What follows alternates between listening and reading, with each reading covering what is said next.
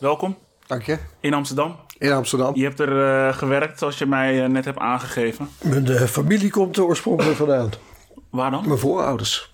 In wat nu de pijp is. Ah, Daar oké. wonen ze, vlak buiten de stadsburen. Oké, interessant. De pijp Ja. is zo veranderd. Dus Ja, ik- waren, dat waren beurtschippers Ja. op de Vecht en de Amstel. ja. En uiteindelijk zijn ze in Utrecht terechtgekomen. Want, want daar dreven ze handel mee. Ja, en ja. ze voeren altijd door de Vecht. Ja, Ik ben zelf ook heel graag bij de rivier de Vecht. Is prachtig. oké. Ja. En je komt nu vanuit Maarsen. Ja. Je woont zelf in Maarsen. Ja. En je bent opgegroeid, kan je nog één keer eh, ondiep, zeg ik het goed? Ja, Ondiep is in Utrecht. Daar komt mijn eh, vader vandaan. Ja. En mijn moeder komt uit Maarsen. Dus het is altijd Utrecht Maarsen geweest. Ik ben geboren in Utrecht. Ja. Gewoond in Maarsen. Gewoond in Utrecht. Gewoond in Amsterdam. En, eh, Maar Utrecht, dat is waar jouw hart ligt, denk ik. Utrecht is wel, ik vind Utrecht een hele fijne stad. Maar Ja? ik vind Amsterdam ook een hele fijne stad. Utrecht heeft ook iets weg van Amsterdam, vind Ja. ik altijd. De grachten Ja, die grachten. hebben jullie ook. Ja, alleen in Utrecht heb je van die werfkelders. Ja. En dat maakt het nog weer aparter, zeg dan? maar. Ja, dat zijn, eh, ja, die zijn honderden jaren oud. De oudste zijn geloof ik uit eh, 1300. Ja. En Utrecht was in 2000 jaar geleden een eh, vestingstad. hè. Dat was een eh, eh, Romeins eh, castellum. En eh, daar liggen nog restanten van. En eh, midden op het Domplein, dat- Ja. daar lag dat castellum. Dat plein ken ik. Wat is een werfkelder? Dat is, in Amsterdam heb je grachten, in. Utrecht heb je grachten. Maar dan loopt de weg langs. Ja. En dan Klopt, ligt er nog naar beneden waar de rivier is, de, de, de oude gracht. Eh, en daaronder liggen die kelders.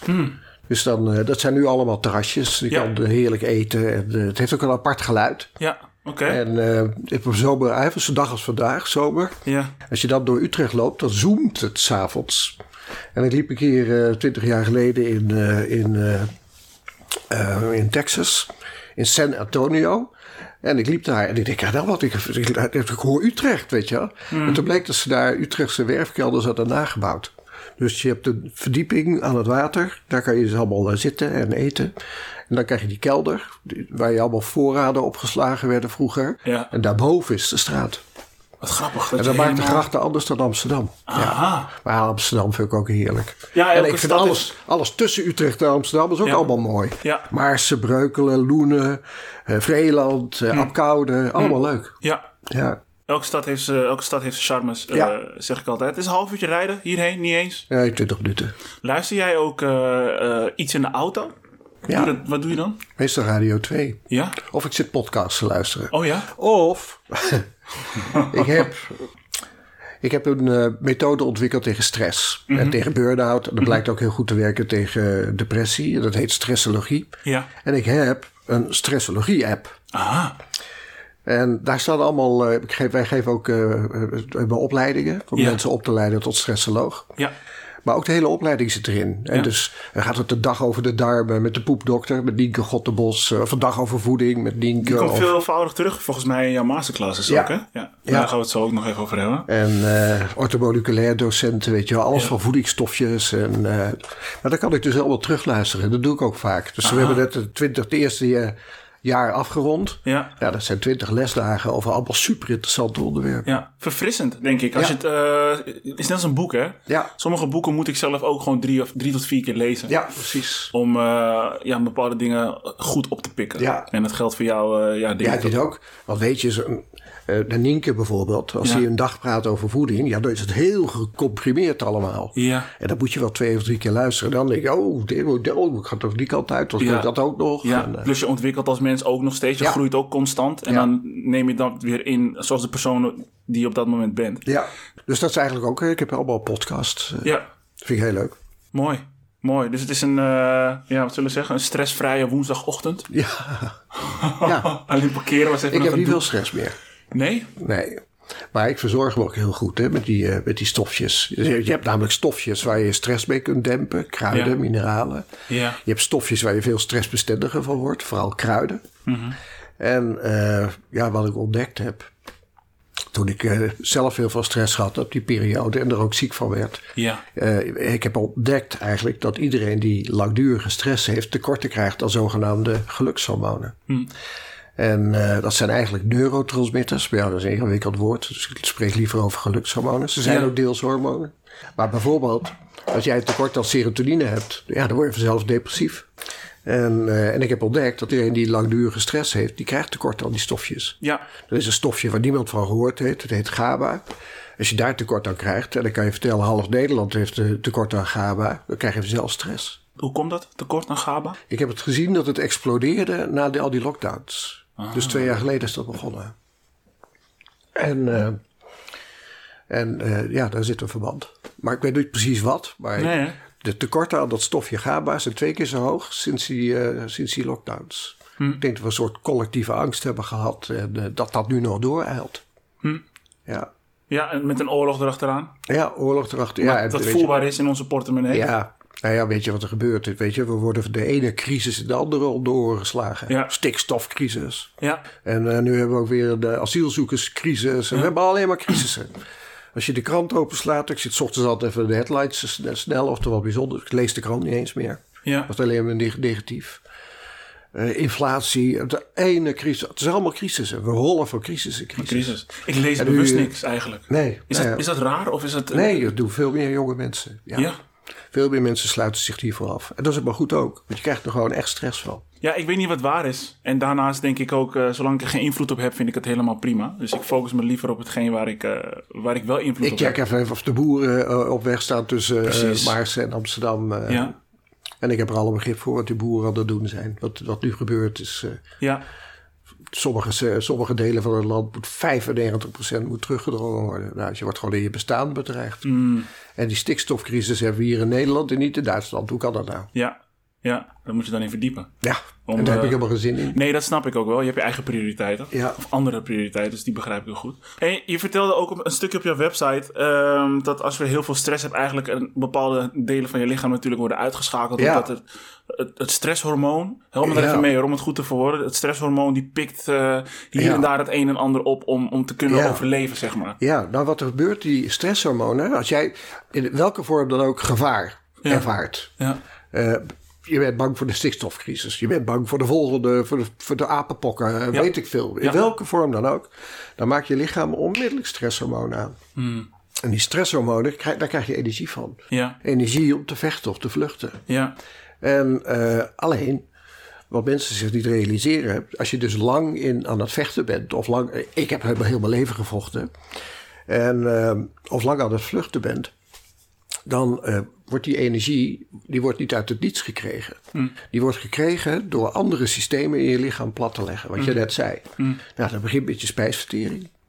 En, eh, standaard ja, bij iedereen. ja, ja. En daarom hebben heel veel mensen die last hebben van stress, hebben ook gewoon problemen met hun darmen. Darmen. Maar in die darmen worden ook gelukshormonen aangemaakt. Dus dan krijg je ook daardoor tekort aan die gelukshormonen. En eh, serotonine bijvoorbeeld, dat is de bekendste, daar hebben de meeste mensen wel van gehoord. Ja, dat wordt voor 90% in je darmen aangemaakt. Dus als je spijsvertering niet goed meer doet, heb je ook kans dat je depressief wordt. Ja, Mensen die depressief zijn, die hebben ook bijna altijd eh, obstipatie ja, en tekort aan voedingsstoffen. Doordat die darmen niet goed werken. Hmm. En dat is ook weer heel mooi. Nou, dat is eigenlijk helemaal niet mooi. Maar goed, er is er namelijk een oplossing voor. Mensen die depressief zijn. Er is een directe relatie tussen je darmen en je brein. Dus Hmm. die darmen worden wel tweede brein genoemd. En dat gaat via een zenuwbaan, de nervus vagus. Dan gaat er eentje vanuit de hersenen naar de darmen. En dan gaan er vier vanuit de darmen naar de hersenen weer terug. En elke twaalfde cel in je darmen is een hersencel, een neuron. En, eh, en als je die allemaal bij elkaar zou schrapen, dan krijg je de inhoud van een kat. Zo groot is dat brein in je darmen. ben je. Oké. Dus dat communiceert doorlopen met je hersenen. Ja, En, eh, en, bepaalde, en in die darmen zit ook eh, pak een beetje anderhalve kilo bij de meeste mensen darmbacteriën. En die darmbacteriën, die produceren die gelukshormonen. En wat blijkt nu? Is dat als je een tekort hebt aan bepaalde darmbacteriën, doordat je spijsvertering niet goed meer werkt, of dat je eh, antibiotica hebt gehad, of dit, dan kan het zijn dat je dus gewoon angst krijgt en dus stress vanuit je darmen of depressie. Nou, en als je dan aan de gang gaat met die darmen om die darmen weer op te krikken, en dat gaat best makkelijk. Tenzij je hele gecompliceerde problemen hebt natuurlijk. hè?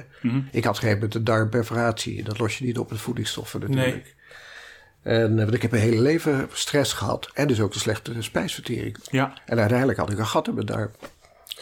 En, maar als je dus die darmen gaat verrijken met bijvoorbeeld probiotica, dus eh, levende darmbacteriën, ja, kan je een depressie mee oplossen.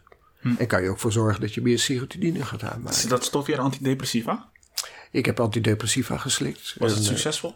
Nee, ik werd gewoon, eh, ik werd gewoon, het leven werd gewoon grauw. Hmm. En je kunt heel veel dingen niet meer. Van uh, mannen krijgen niet meer overeind, bijvoorbeeld. En uh, nee, al, het dempt alles, maar ook geluk. Hmm. Dus je wordt heel vlak, het hele Ja. leven wordt vlak. Ja, ja. En uh, dus ik, ben, ik heb het twee keer gebruikt. Ik ben twee keer dep zwaar depressief geweest. Je bedoelt twee keer, eh, twee keer Twee periodes. Nee, twee periodes, twee in periodes. Twee keer twee jaar. En, ehm Goh, en als ik dan ja, maar ja, dat was vroeger gebruikelijk. Ja, ja, ik snap het, ik snap het Ik volledig. had, eh, toen, jou, toen ik 31 was, Ja. toen eh, had ik mijn eerste burn-out al te pakken. Ja, Alleen, ik wist niet dat dat een burn-out was. Het werd afgedaan als een depressie. ja, En, eh, en dus kreeg je, en ik kon niet meer slapen. Nou, als je tekort hebt aan het stofje gelukshormoon serotonine. Het is bijna biochemie, hè, wat ik nu. eh, Dan krijg je ook automatisch een tekort aan melatonine, het slaaphormoon. Eh, want dat wordt gemaakt uit serotonine. Dus ik had altijd slaapproblemen. En ik maak van nature wat weinig serotonine aan. Dat hebben heel veel mensen. ja. Nou, en als je dat gaat aanvullen, ja, kan je een depressie oplossen. Ah, Maar dat, de antidepressiva die proberen de aanwezige beschikbaarheid van serotonine wat te verlengen. Dat Ja. is wat ze doen. Ja. Maar ja, ze hebben heel veel bijwerkingen. ja.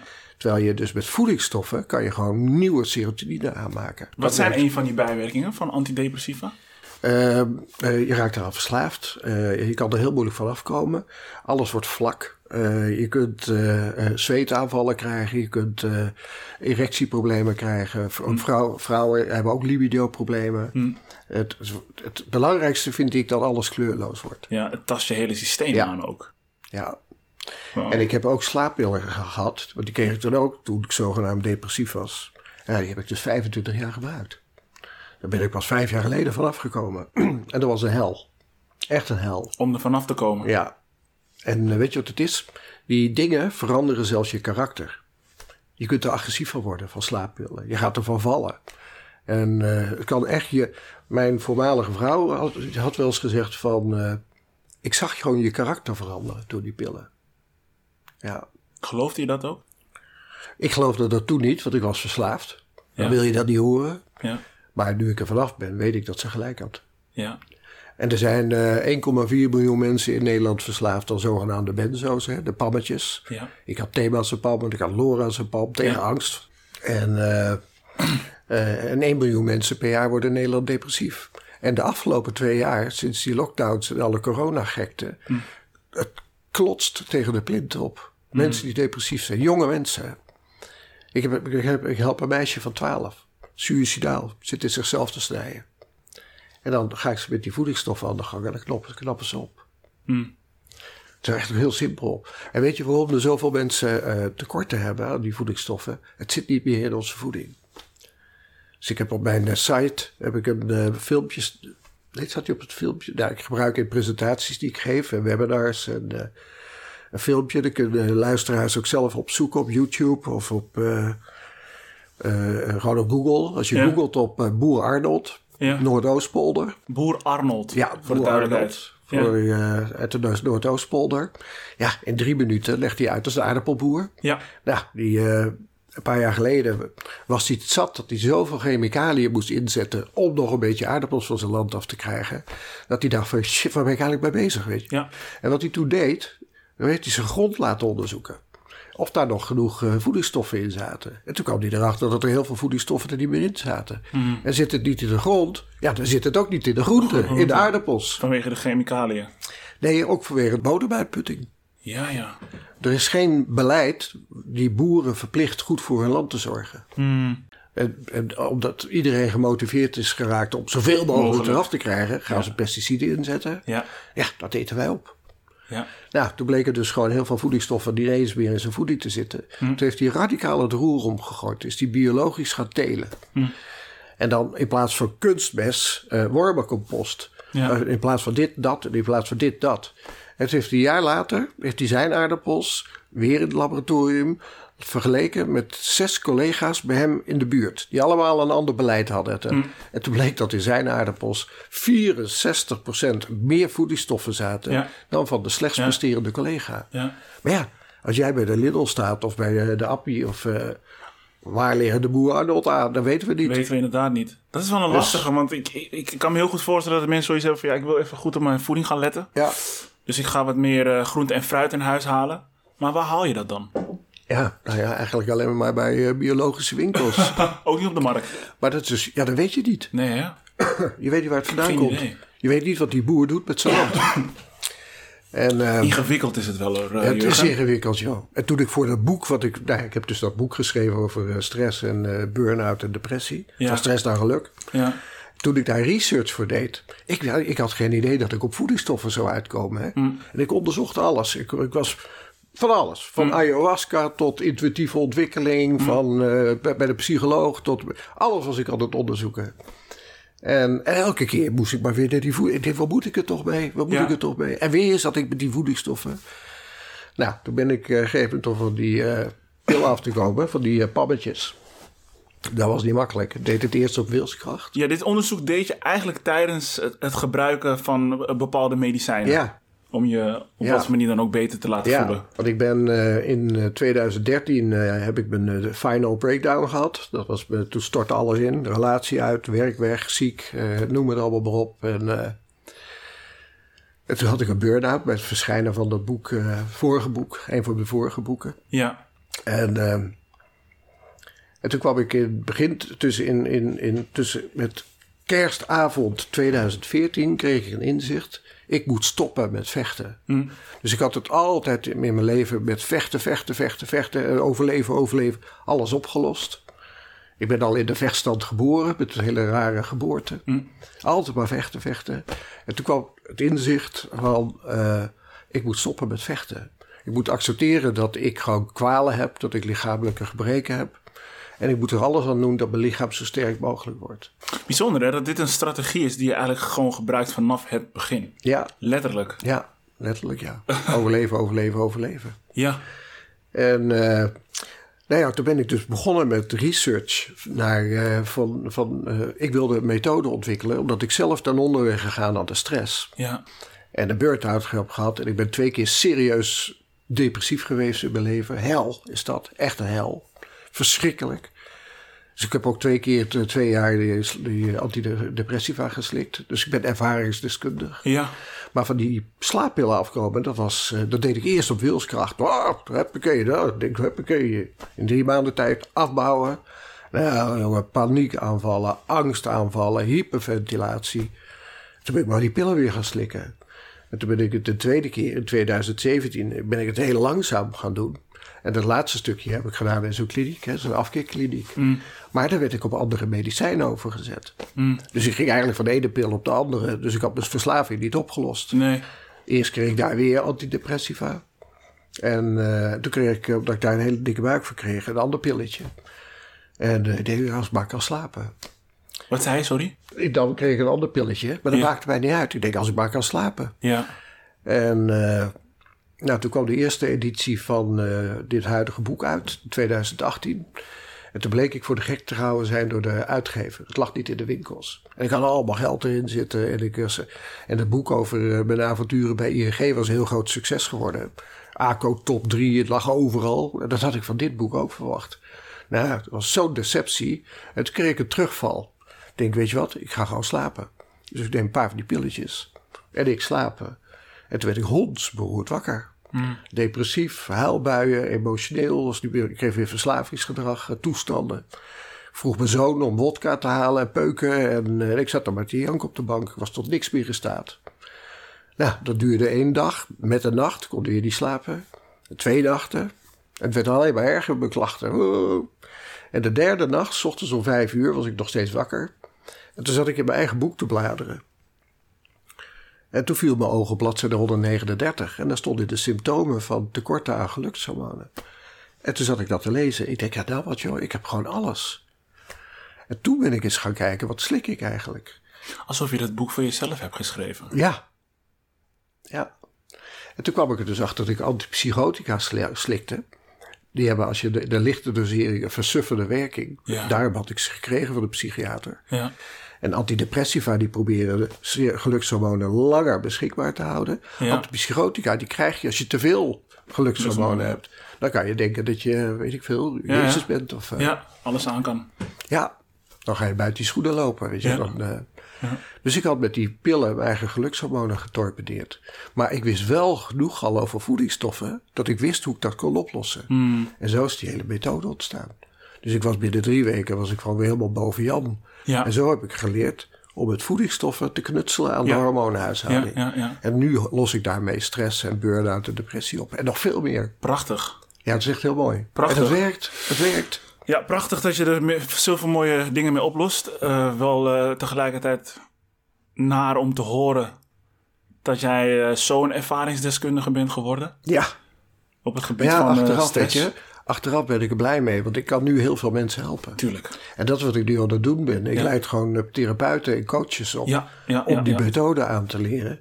En eh dat, dat, wordt, dat is één grote olievlek aan het worden. Ik heb al 125 mensen opgeleid. Prachtig.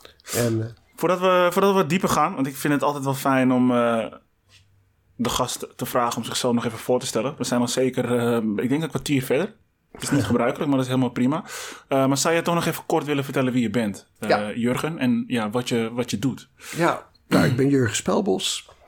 Geboren in eh, 1962. Ik ben net 60. Oké. Voelt heel gek, dat getal. Ja, Ik voel me absoluut niet zo. Ik heb het idee dat ik nu pas echt begin te leven. ja. ja, hoe voelt 60? Dat weet niemand, hè? Nee, nou, in mijn geval, ik ben nog maar net begonnen. Ja, En eh, ik ben geboren in Utrecht, eh, opgegroeid in Utrecht en eh, Maarsen. Ehm, ik, ben, ik ben gevoelig. In de zin van dat ik al op jonge leeftijd was ik, kon ik uit mijn lichaam treden. Ik kon communiceren met overleden mensen. En ik kon, was bezig met pendelen en van alles. En ik was heel erg bezig ook met Jezus. De man, de figuur Jezus, die fascineerde me heel erg. Ik ben doodgeboren. Misschien is dat een van de redenen waarom eh, ik daar zo mee bezig ben. Ehm, op een 19 heb ik besloten om eh, normaal te worden. Toen ik een normale vriendin kreeg. En eh, toen was ik heel goed in dat normaal worden. Ik ben carrière gaan studeren, carrière gaan maken. Schikken, eigenlijk. Hè? Ja, schikken, dat bedoel je met normaal worden. Ja. ja. Eigenlijk werd het toen gek. Ja. Eigenlijk was ik zoals ik was toen ik tot mijn negentiende, dat was normaal. Ja. Alleen, dat werd nergens getolereerd. Dat werd niet getolereerd op scholen. Hm. En, eh, zat ik, eh, was bij de opa overleden. Daar had ik contact met mijn opa. Daar werd ik, moest ik op school, moesten mijn ouders op school komen. Ja, Want hij is gek. ja, En, eh, en ik was eh, best wel dapper. Dus ik eh, denk, dikke fuck, ik doe gewoon, dit ben ik. Alleen, dat werd niet gewaardeerd. Werd thuis niet gewaardeerd, werd op school niet gewaardeerd. En, ik ben twee keer van school eraf gegooid en zo. Toen besloot ik normaal te worden. Met een normale vrouw. En toen ben ik heel hard gaan werken. Eerst ook nog studeren. En toen ben ik in de booming business in de jaren 80 en 90 van marketing en communicatie terechtgekomen. oké. Dus ik heb gewerkt bij reclamebureaus hier heel- door heel Amsterdam en eh, PR-bureaus. En eh ben chef communicatie geweest van de spoorwegen. En eh, Heb je bij reclamebureaus even tussendoor ook heel veel stress gezien? Want, ja, Hè, ja een alleen hoop- maar deadlines joh, alleen maar deadlines. Ook, en, maar er is, er, is, er is ook een hele hoop manipulatie. ja, de- weet je, ik beschouwde reclame als fun, weet je, als grappig. Ja. Het woord manipulatie was toen nog niet zo. Nee. Het was gewoon wie maakt de leukste filmpjes. Ja, En reclame was leuk. Hm. Dus niet alleen die industrie, ook de reclamefilmpjes waren leuk. Leuk, ja. Maar hartstikke campagnes van, eh, van eh, eh, Centraal Beheer, nou, daar kon je gewoon naar uitkijken. Er waren mini-speelfilmpjes. oké. Maar schitterend Ja, gewoon. ja. En dat was echt heel leuk. Nu is er geen barst meer aan. Nee. Ik vind nu alleen Hornbach nog leuk.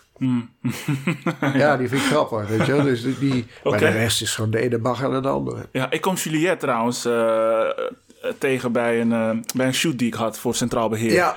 Oh, Juliette- was dat shoot voor Centraal Beheer? Ja, wat is, het was op haar terrein. Ja. Ja, voor de, voor de luisteraars. Ik heb, eh, ik, ik- Jurgen Spelbus is nu tegenover mij natuurlijk. En ik heb hem leren kennen via een dame die heet eh, Juliette. Juliette Mudde.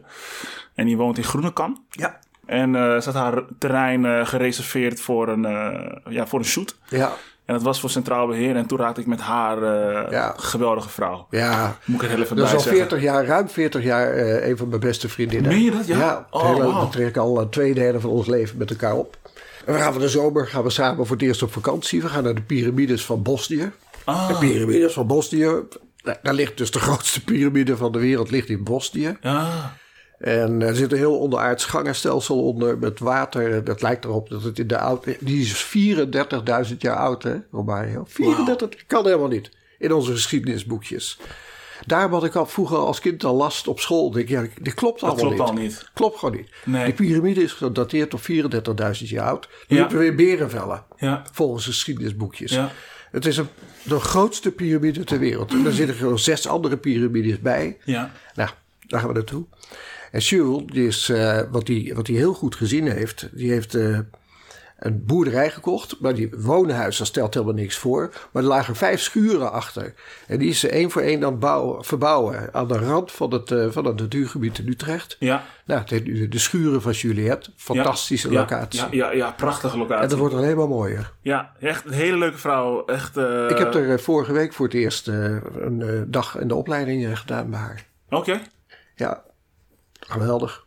Lekker in het groen en eh, onder de rook van Utrecht. Ja. En, eh, ja. In de natuur, tussen de bomen. Ehm, waarvan jij weet dat bomen ook een immuunsysteem hebben. ja, bomen. Ik ben mijn hele leven al gefascineerd door bomen. Ja. Ik wilde ook per se naar de Sequoia Woods, weet je. De Sequoia bomen, de grootste bomen ter wereld. Die kunnen Ja. wel 100 meter hoog worden. Ja. Zo groot als de Domkerk is dat, hè. Een boom. Ja. Maar ook zo breed. Ja.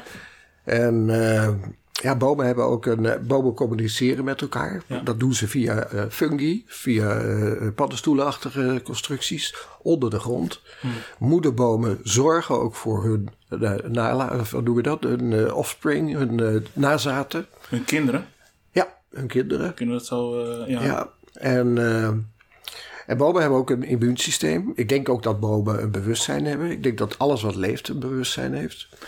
En dus kan je ook communiceren met bomen. Ik ben eh, eh, gelovig. Ik eh, bid altijd als ik in de natuur ben. Niet eh, in de kerk. Jij zegt alles dat leeft... alles dat leeft heeft een bewustzijn. Alleen als het leeft. Misschien dat er ook, ja, dat is een goeie. Zou kunnen zijn dat het niet leeft. Ja, weet ik niet. Maar goed. Het zou kunnen zijn Ja. dat kristallen bijvoorbeeld, die Ja. een eh, bepaalde werking hebben. En dat dacht ik vroeger altijd, ja, wat een lulkoek, weet je wel. Maar het is niet waar. Het is, het is, ze hebben wel een werking. Als jij bijvoorbeeld bepaalde kristallen bij elkaar legt, ja, dan geeft dat meer harmonie in een huis bijvoorbeeld. Of, eh, Ja. ik ben dat allemaal gaan uitzoeken voor dat Ja. boek. Om te kijken van wat werkt nou het best tegen stress en eh, burn-out. En, eh, en waar we het er straks ook over hadden, weet je. Bijvoorbeeld eh, vorige levens of eh, ontwikkelen van je eigen intuïtie. Mm. Toen ik met mijn eigen intuïtie aan de gang ging, heb ik een cursus gewoon voor gedaan. Kan Mm. iedereen doen. Iedereen heeft intuïtie. Alleen wij zijn op school opgegroeid om die intuïtie los te laten. En kausaal te gaan denken. Dat hebben we op school geleerd. Ook dat vind ik zo... eh, daarom heb ik zo'n hekel aan, had ik zo'n hekel aan school. Ja, het gekke is dat ik nou mijn eigen schooltje heb, zeg maar. Maar dan doen we het op mijn manier. Dat is superleuk. Ja, maar je hebt een school om, om de mensen niet te vervreemden van hunzelf. Ja. Eigenlijk heb je een school om mensen weer terug te brengen naar hunzelf. Ja. Dus dat zijn wel twee verschillende Ja, toen ik begon, scholen. ja, toen ik begon dacht ik van, weet je wat, ik wil gewoon dat zoveel mogelijk mensen met die methode geholpen worden. Ja. Dus ik moet mezelf verdupliceren, eh, ver- ver- ver- ver- vermenigvuldigen. Maar toen heb ik daarna ook een vakopleiding gedaan. Hm. Georganiseerd, die is net klaar, het eerste jaar. Ja, dat gaat over van alles. Dat Hm. gaat ook over energie van voeding bijvoorbeeld. Ja. Dus dan eet je niet een worteltje voor de vitamines en mineralen. Nee, dan eet je een worteltje vanuit de energetische waarde. Ja. En die kun je ook meten. Die hebben bepaalde boviswaarde. Alleen wat mensen niet weten, hè, dat wist ik zelf ook niet. Hè. We zijn gewoon zo dom gehouden. We hebben niks geleerd over voeding eh, op school. Ja. Terwijl het een van de belangrijkste dingen die er is. Hm. En eh, bijvoorbeeld, als jij een eh, appeltje plukt van de boom, een rijpe appel, en je eet dat, dan heeft dat een hele hoge boviswaarde. Kan je meten. Maar als jij bijvoorbeeld een, een hamburger eet van McDonald's, nou ja, dan werkt het zo. Als die boviswaarde boven de 3 tot 6000 is, dan is het gezond voor je. Dan krijg je er energie van, dan kan je lichaam er wat mee. Als die beneden de 3000 is, dan onttrekt het energie. Ja. Dus, Dus het levert niks op. Het levert niks Of op. ja, het- je wordt er moe van. Ja. Daarom worden mensen ook heel veel vaak moe van als ze tussen de middag brood eten. Brood is natuurlijk al lang niet zo goed meer als vroeger. Dus allemaal, daarom hebben zoveel mensen glutenproblemen en zo. Ja, dan krijg je gewoon na een uur brrr, krijg een dip. Ben je niet meer vooruit te branden. Dan heb je kuppensoep nodig om, om er weer tegenaan te kuppensoep, kunnen. ja. Nou, dat is ook een troep, rotzooi is het. Ja, ja, ja, ja. En ehm, Wat moeten we dan eten? Tussen de middag? nou ja, ja ik zelf, ik eet, eh, mijn ontbijt is tussen de middag. Oh ja? Je hebt nog niets gegeten? Ik heb toevallig omdat ik hier naartoe ging. Ja. Ik weet niet hoe lang. eh, ik eet een banaan s ochtends. En Ja. dan heb ik een shake die ik erbij doe. Daar doe ik allemaal voedingsstoffen in. Ja. En dat, eh, daar doe ik het op tot vanavond een uur of zes. En dan heb ik lekker eten in huis. Ja. Wat goed dat je eigenlijk altijd een, iemand bent geweest die zich, zich verzet. ja. Dus het vechten, Oh het ja, heeft, grappig. Ja, het dat- heeft zijn nadelen gehad. Ja, ja het Maar- heeft wel nadelen gehad. Ja, flinke nadelen ook, zoals ik het hoor. Maar eh, ik vind verzetten ergens tegen altijd wel, eh, wel goed. ja, en weet je wat het is, joh? Met wat ik nu eh, weet. Ja, En wat ik dus aan het uitdragen ben aan mensen die de opleiding doen. Ja. Er worden zoveel mensen geholpen. ja, Ik had mensen gewoon, ik had Koos. Drie jaar geleden had ik, was mijn bedrijf nog heel anders opgezet. Ik, de Koos was een de vrachtwagenchauffeur, die was helemaal depressief. 73, maar toen was hij 70. En hij belde vorige week zondag. En ik ik ben helemaal van het padje. En ik, als, voor mij mag het er een eind aan komen. En, eh, en dan komt Koos. En dan ga ik aan de gang met zijn darmen en met die gelukshormonen. En met tien dagen. Ik heb alleen maar... eh halleluja. Ja. Halleluja. Hm. En, ehm, en van de antidepressiva ook gelijk even af. Hè? Op het moment dat je die, van die pillen afkomt, die pillen zijn namelijk. Pillen zijn heel vaak zijn dat synthetische vormen van kruiden. Dus je hebt bepaald kruid, noem maar wat, safraan. Safraan is supergoed voor eh, aanmaken voor meer serotonine en dopamine, een ander gelukshormoontje. En dan, hè, wat ze gedaan hebben in de, in de farmaceutische industrie. En ik heb niks tegen de farmaceutische industrie. Hè. Ik ben heel blij dat er antibiotica is, bijvoorbeeld. Maar ik ben bijvoorbeeld eh, niet zo blij met eh, vaccinaties, om wat te noemen. Dus ik ben selectief blij en selectief helemaal niet blij. En ik Ja. heb zelf jarenlang voor farmaceuten gewerkt. Dus Ja. ik weet een beetje hoe dat allemaal. eh, Ik denk dat we zo kunnen praten over elke industrie, elke organisatie. ja, klopt. Heb je goede en eh, minder goede dingen. Maar vaak zijn medicijnen zijn nagemaakte kruiden. Hm. En ehm, synthetisch nagemaakt, waardoor het goedkoper wordt. Ja, Alleen, nadeel van medicijnen is dat ze altijd bijwerkingen hebben. ja, ja. ja. En wat je dus op het moment dat ik met safraan aan de gang ga om mensen uit de depressie te krijgen, werkt dat vaak beter dan antidepressiva. ja. En dat safraan zit bijvoorbeeld niet in een antidepressiva. Nee, het zijn eh, synthetische vormen. Je hebt kinderen? Je Ja, zit er nog bij het voorstel? Ja? Ja, ook we zijn nog het voorstellen. Ja, maar dat, dat is helemaal prima. Ja. Mag alle kanten op. Dus ik ben op mijn negentiende ben ik eh, normaal geworden. Maar eigenlijk was ik net te gek. Maar ik was wel heel goed in dat eh, normaal zijn. dus ik heb heel erg carrière gemaakt. Ja. Heb ik nog één keer dat ik een terugval had van dat ik eigenlijk gewoon eh, weer bij zinnen was. Is dat toen zou ik partner worden bij een reclamebureau. Nou, ik moest zo nodig rijk worden en dat was de kans. En toen reed ik in de auto terug van Amsterdam naar Utrecht, waar ik toen woonde. En toen dacht ik bij mezelf, ik ben, eigenlijk ben ik gek, weet je wel. Ik ben, ik ben 29. En eh, als ik nu partner word, dan lig ik vast. Ja. En zo meteen een koophuis en een kinderen, weet je veel. En toen dacht ik, ik moet het eigenlijk gewoon niet doen. En toen ben ik eh thuisgekomen, het was midden in de nacht. Ik heb mijn vrouw wakker gemaakt. Ik zeg, we gaan eh, op wereldreis. Nou, die schrok zich helemaal kapot natuurlijk. dus je moet even een weekje aan de gedachten wennen. En toen zijn we een jaar lang rond de wereld gaan reizen, ja. Begonnen in, eh, en dat is de beste beslissing ooit. Om te gaan reizen. Ja. Eigenlijk een soort sabbatical. Ja, dus ik ben begonnen in Moskou, we zijn Siberië doorgetrokken, Mongolië, China, Australië, Nieuw-Zeeland, eh, Indonesië, Maleisië, Vietnam, overal. Je bent eigenlijk gewoon door alle culturen Ja, heen gegaan. en eh, afrondend in het Midden-Oosten. Ik wil Ja. ook heel graag naar Israël, eh, Syrië, Jordanië. En toen was ik, eh, toen was ik door allemaal geld heen. En toen eh, belde ik een week voordat we, of een maand voordat we thuis kwamen, belde ik een headhunter. En eh, ja, zo ging dat toen nog. En ik, ik zeg, heb je wat voor me, weet je? Want ik heb er geld dus op. En eh, toen had ik nog een baan voor me bij de spoorwegen. Om daar chef communicatie te worden. Nou, dat heb ik gedaan. Uiteindelijk ben ik eh, aanbeland dat ik directeur communicatie was van ING. En daar ben ik eh, tegen mijn, de grenzen van mijn kunnen aangelopen. Daar heb ik een klokkenluidersincident gehad. En dat is helemaal uit de hand gelopen. En dat gaf heel veel stress. Mijn vader werd ziek en kwam te overlijden. Dat gaf heel veel stress. En een relatie die kapot ging, eh, dat gaf ook heel veel stress. En die cocktail maakte, zonder dat ik het wist, hè, toen wist ik het allemaal nog niet. Ik werd gewoon ziek in 2008. En toen kreeg ik, ik had een eh, darmperforatie. Heel heftig. Ik heb twee zoons die eh, geboren zijn nadat we op reis waren. In 1996, 1999, stapelgek op ben. Die periode zijn eh, dat zij hier Maar zijn zij- gekomen. Ja. En toen, ik, Was jij gestrest? ja, ik was gewoon heel druk. Ja. Ik had gewoon de, best wel hoge baantjes. Mm. En, eh, maar ja, dat was gewoon mijn leven. Ik werkte gewoon eh 60 uur per week en ik zorgde voor de kinderen. En dat deden we met z'n tweeën natuurlijk. Mm. En eh, ik werkte wel 80 uur per week. Maar goed, als ik dan vrij was, dan was ik er ook helemaal van de jongens. Ik ging allemaal leuke dingen doen. Mm. maar toen zij jong waren, kreeg ik dus dat incident bij ING. En, ehm, en toen werd ik ziek. Dus eerst darmperforatie. Nou, dan eh, moest ik afscheid nemen van de jongens toen, ze, toen de ambulance ging. En, eh, en daarna ben ik anderhalf jaar invalide geweest van de jeuk. Dan bleek ik de kwikvergiftiging te zijn als gevolg van in stress kapot bijten van die ouderwetse vullingen. En toen heb ik een artekinevergiftiging gehad als gevolg van al die eh, injectiespuiten met de tandarts. En, eh, en zo sukkelde ik van de ene ziekte naar de andere gekke Goh. ziekte.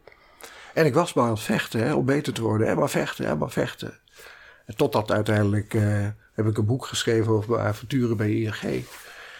En eh, dat werd een bestseller. En, eh, maar ik had tinnitus, die gierende fluit in je oren. En eh, ik kon helemaal geen geluid meer verdragen. En, nou, toen werd ik gevraagd bij De Wereld Draait Door. En toen ben ik daar naartoe gegaan om te kijken of, of het ging met mijn oren. En, en ik was uitgeput. Maar het ging helemaal niet. Dus Ik heb die uitzending niet gezien. Nee, het is ook uiteindelijk niet live gebeurd. Ik ben Aha. de dag van tevoren gegaan om te kijken of het ging. Vandaar dat ik daar niks over kon vinden. Nee. Eh, En eh, toen begon de band te spelen en het publiek werd opgezweept. Ja. En uh, wauw, eindoefening. En dat was, weet ik nu, achteraf een burn-out. Maar ik kon gewoon niks meer. nee.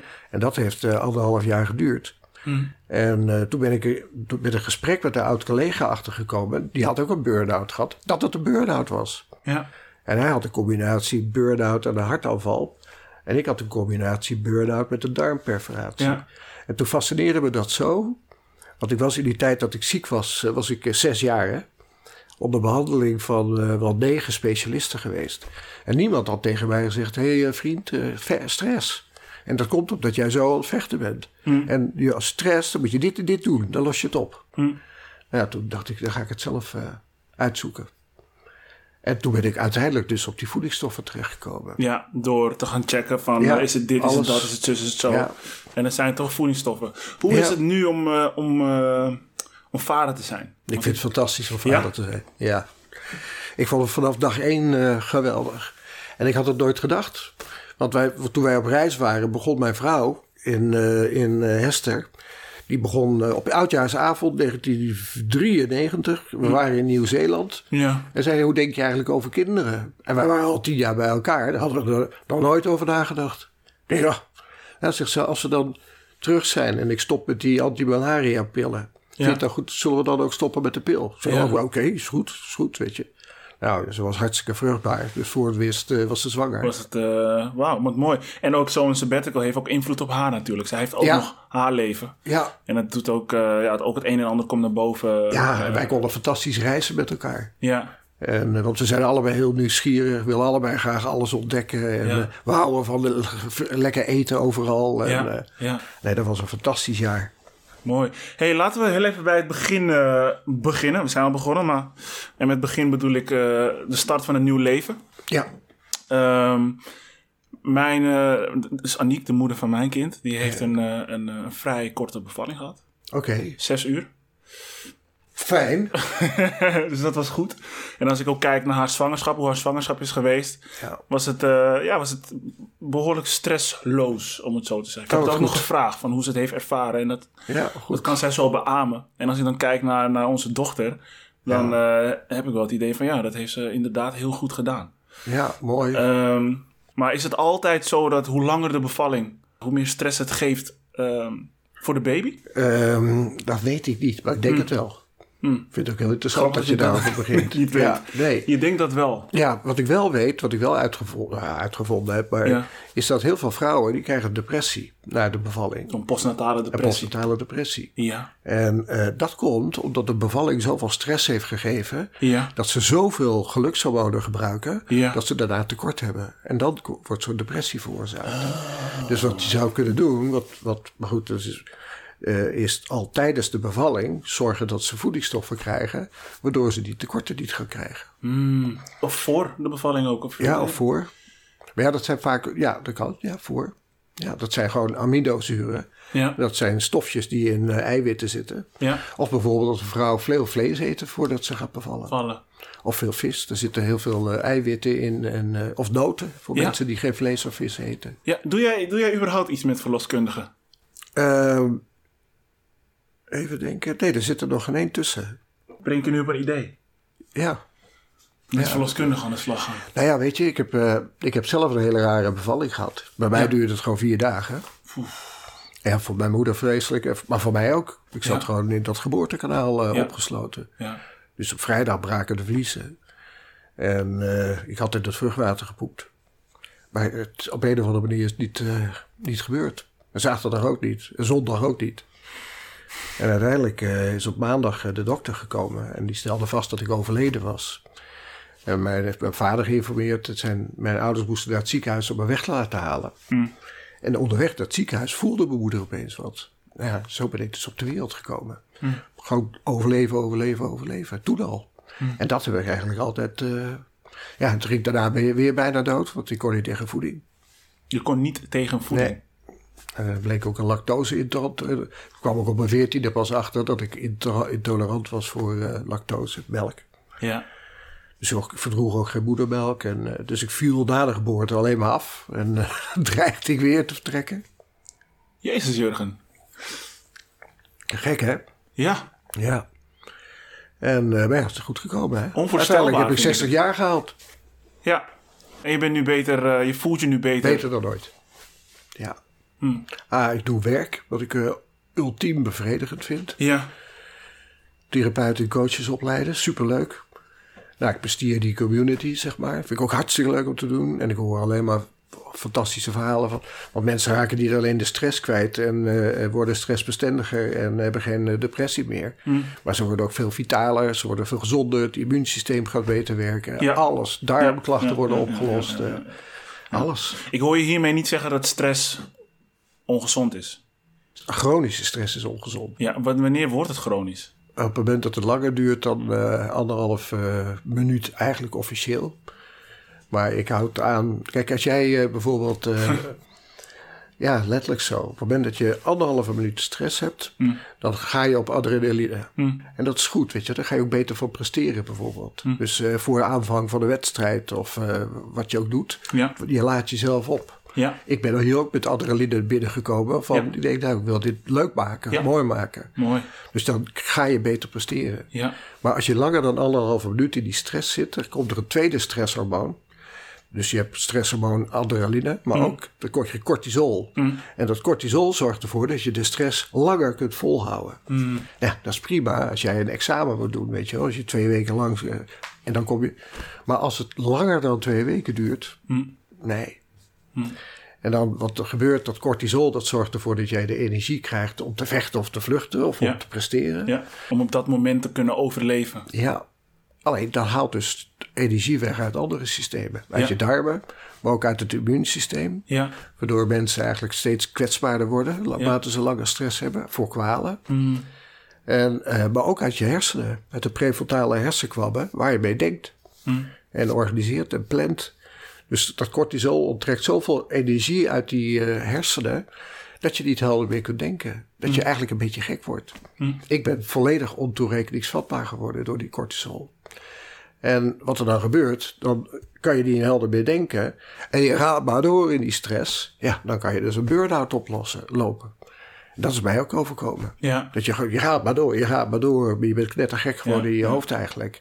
Niemand, als iemand tegen je zegt... hé hey vriend, je moet het rustig aan doen. Ja, sodemiet erop. Ja. Weet je.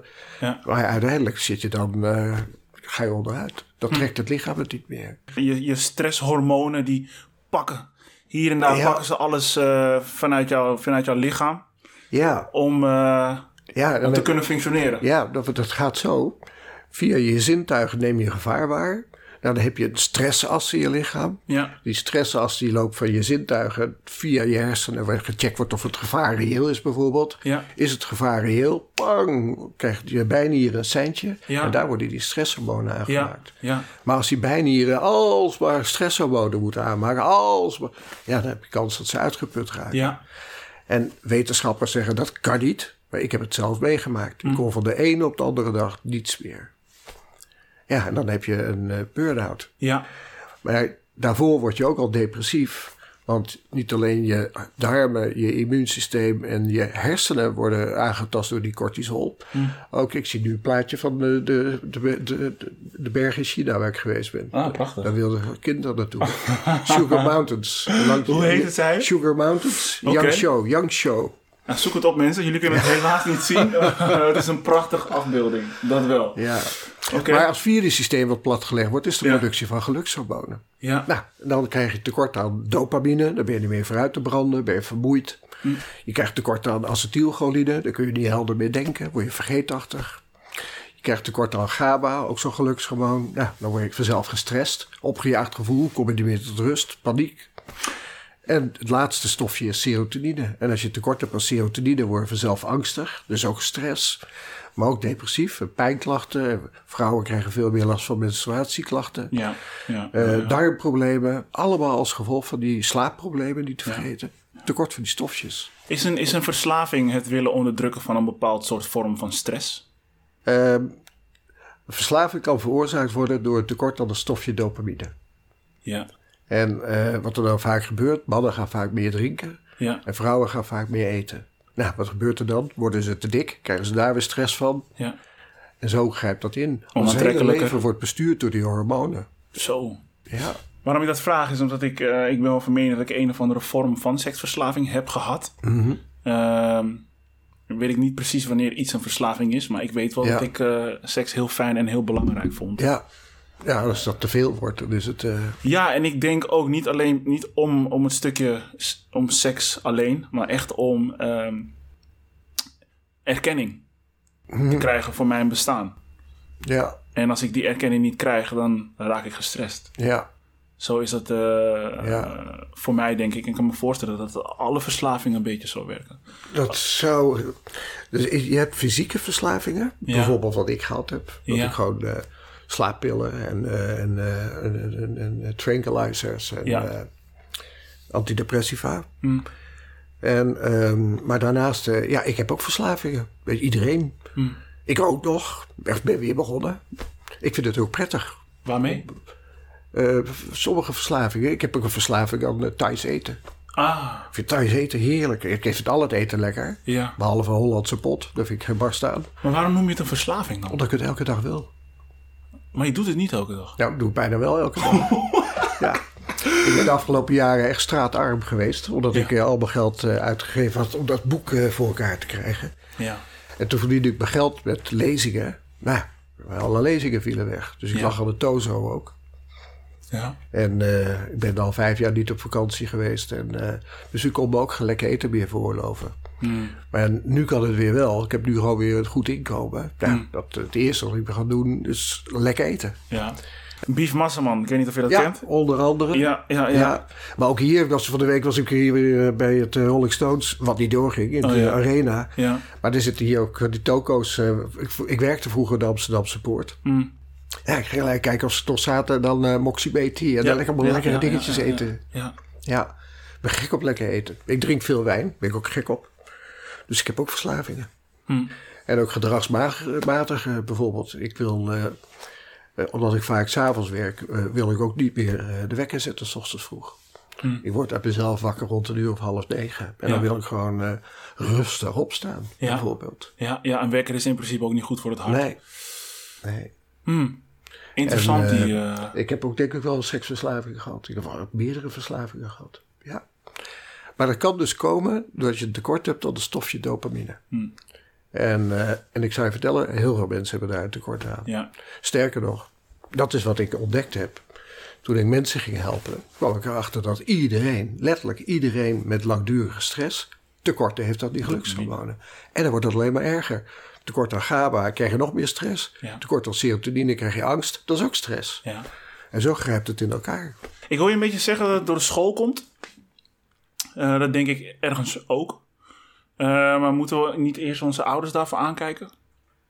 Mijn eh, ouders, Zonder iemand een schuld te geven, hè? Ja, ik Dat, dat wil ik er even bij zeggen. weet je, ik heb een, een lastige jeugd gehad. In de zin van, mijn vader was nogal dwingend, zeg maar. En, en ik kon daar niet mee omgaan.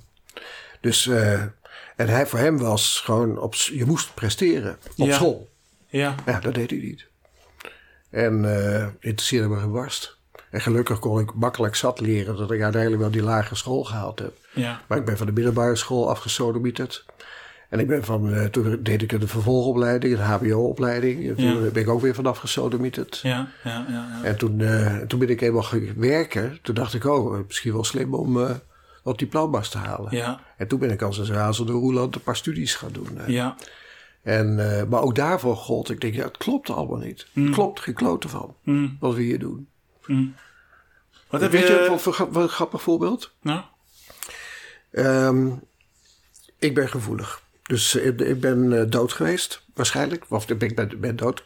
Door de dokter vastgesteld dat ik eh, er dat niet meer was. Ja, En eh, daarom heb ik altijd een fascinatie, fascinatie gehad van eh, wat is er na de dood? Wat gebeurt er na de dood? Mm. En ehm, toen ging mijn opa dood toen ik zes was. En dat was de trigger dat ik er al helemaal in dook. Van wat gebeurt er dan? En ehm, ik ben er uiteindelijk achter gekomen. Dat eh, wat er letterlijk gebeurt. Dan heb ik het, een heel mooi boek is eh, Eindeloos Bewustzijn van Pim van Lobbel, die eh, eh, cardioloog. Die was als cardioloog eh, heel vaak dat hij aan het snijden was. En mensen gingen dood tijdens de eh, operatie. En toen was hem opgevallen, terwijl hij daar helemaal niet mee bezig was. Kijk nou wat, ze hebben bijna altijd hetzelfde verhaal. Ze gaan allemaal treden uit hun lichaam. Allemaal zien ze wat er gebeurt terwijl ze aan het overlijden zijn. Wie er omheen staan. En eh, dan gaan ze steeds hoger, steeds hoger. Dan zien ze bijvoorbeeld eh, triviale dingen. Een tennisracket wat op het dak van het ziekenhuis ligt of zo. En ze komen terecht in een hele warme, aangename, donkere omgeving. En dan is dat bekende puntje licht eh, aan het eind. En dat is eindeloos veel liefde die daar vandaan komt. Dan gaan ze op weg naar dat, eh, naar dat puntje licht. dat is het onvoorwaardelijk eigenlijk. Ja, onvoorwaardelijke liefde, ja. Maar ook iets wat wij ons helemaal niet kunnen Nee, nee. voorstellen. Ja, ik heb het misschien al, eh, maar in mijn onderbewustzijn zit. Precies. In je, in je, in je ego kan je dat niet, Nee, niet in je voorstellen. ego zeg kan je niet voorstellen. Oké. Ik heb het een paar keer, ik zal zo vertellen, ik heb het een paar keer al ervaren in mijn leven. Hmm. Dat ik daarbij bij ben gekomen. En onderweg naar dat licht, dan evalueren ze hun eigen leven. Dus er is helemaal geen hel, dat is verzonnen door de kerk. Dat is ook een soort school. En de kerk heeft dat verzonnen, hel. Je gaat naar de hel, je bent een vat vol zonde. Nou, dat, dat trok ik ook al helemaal niet.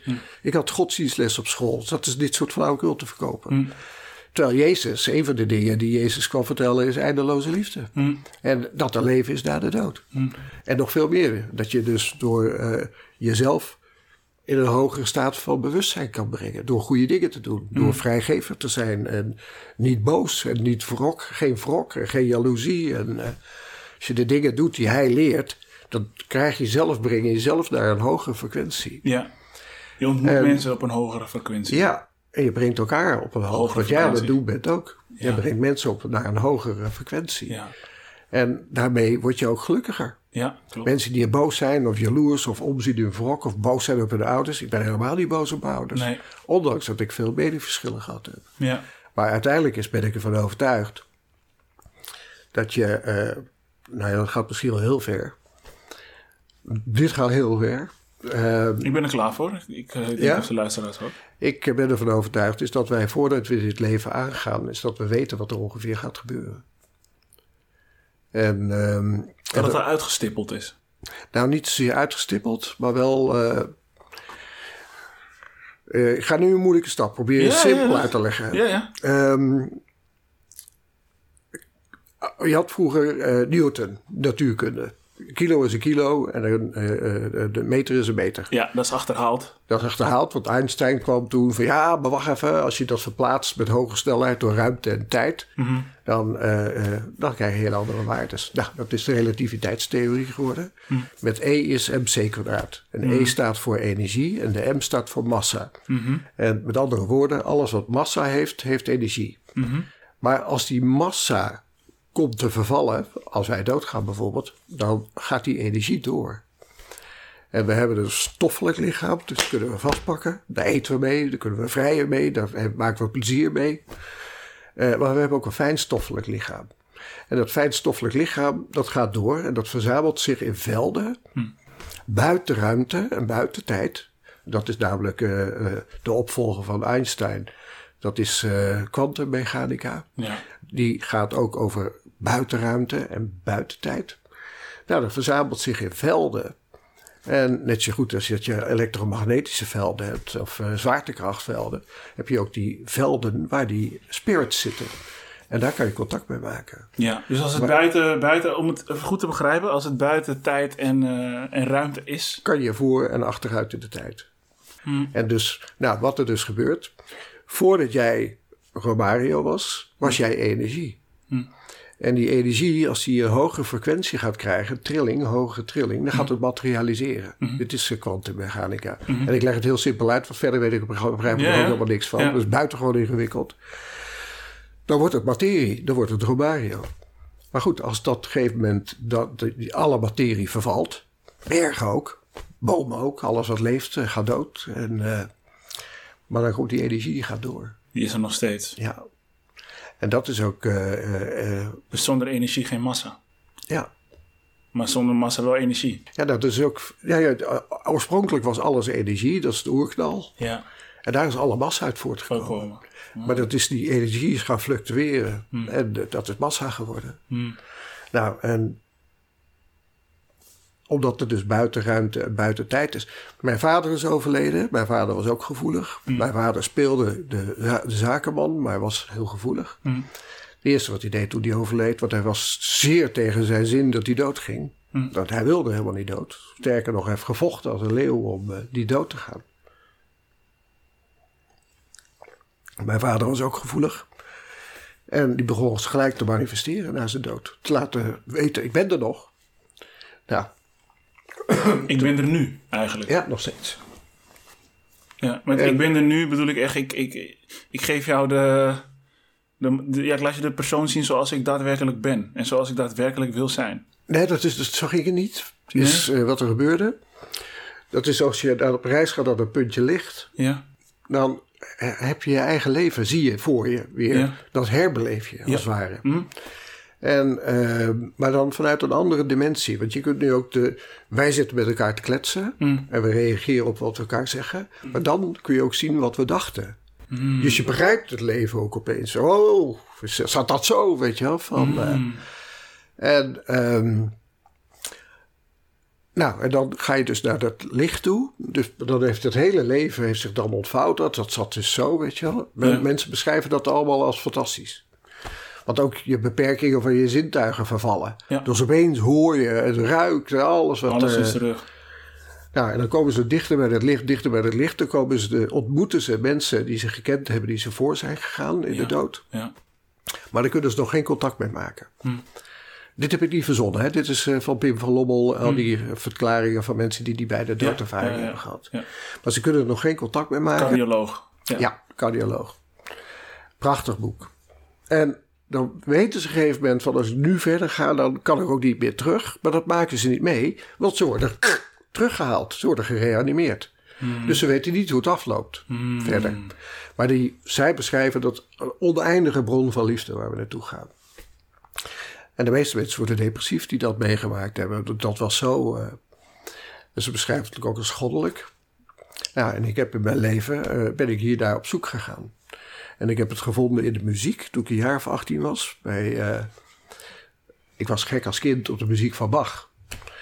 En eh, toen lag ik s'nachts, lag ik eh, een, een stuk van hem wat hij geschreven heeft toen hij bijna dood was. En toen kon hij al helemaal niet meer spelen. Hij lag alleen maar noten te dicteren die zijn zonen hebben opgeschreven. En dat heet de Kunst der Fuge. En dat zijn allemaal melodielijnen die tegen elkaar ingaan. En op een gegeven moment krijg je dan een extatisch moment. En toen wist ik, oh ja, God bestaat. Nu Hmm. weet ik het zeker. Omdat het goddelijk was voor Ja. jou. Ja, maar ik heb dat ook meegemaakt met ayahuasca. Dat ik het goddelijke weer heb ervaren. Ik heb het meegemaakt door een ademhalingstechniek, Transformational Breath. En ik heb het zeer recentelijk ook nog meegemaakt, eh, omdat ik bepaalde initiaties heb ondergaan. eh. Maar ik heb dus gewoon eh, meerdere. God, de God, voor mij staat het vast. En, en dat is eindeloze liefde. En eh, nou, toen was mijn vader overleden. Die liet merken, ik ben er nog, ik ben er nog. En, maar ik werd zelf, omdat ik die kwikvergiftiging gehad heb, werd mijn eigen gevoeligheid helemaal knettergek. Ik, werd heel, ik vervoelde van alles. Wie er dood ging en wanneer precies. eh. toen ben ik veel. naar- ja, te veel. Toen ben ik naar een medium gegaan om te kijken of ik die klep kon stilzetten. En ehm, nou, wij waren daarmee bezig. Toen zei ze, Joop is hier. Nee, Jan, Jan is hier. Zo, dus mijn vader. En dat was de eerste keer dat, dat ik in contact ben gekomen met mijn vader. En die vertelde, ja, ik ben, eh, die zat nog niet bij dat licht. Die was gewoon zijn eigen leven nog aan het herbeleven, vertelde hij.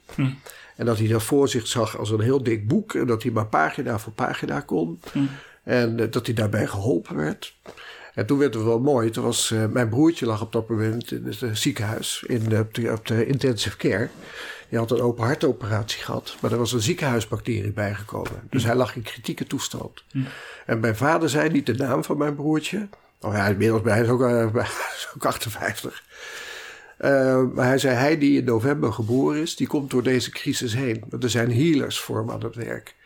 En eh, denk je al dat ik gek ben? Of? Nee, nee, nee, helemaal niet. Nee, nee, nee. Nee. nee ik kan me voorstellen hoor, dat het... eh, nee, helemaal niet. eh, Ja, er zijn healers voor aan het werk. En, eh, maar je moet even letten op zijn vrouw, want die trekt het niet meer. Nou, ik s'avonds zijn vrouw bellen, Monique.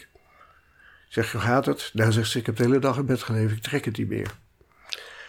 Nou, dat was de eerste keer. En de laatste keer was eh, eh, een half jaar geleden.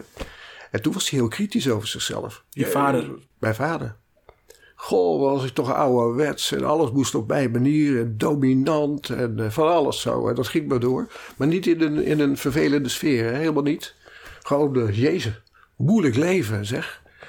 En toen zei hij op het laatst, zei hij van, eh, maar ja, je kon wel met me lachen. Dat was ook zo, ik kon verschrikkelijk met hem lachen.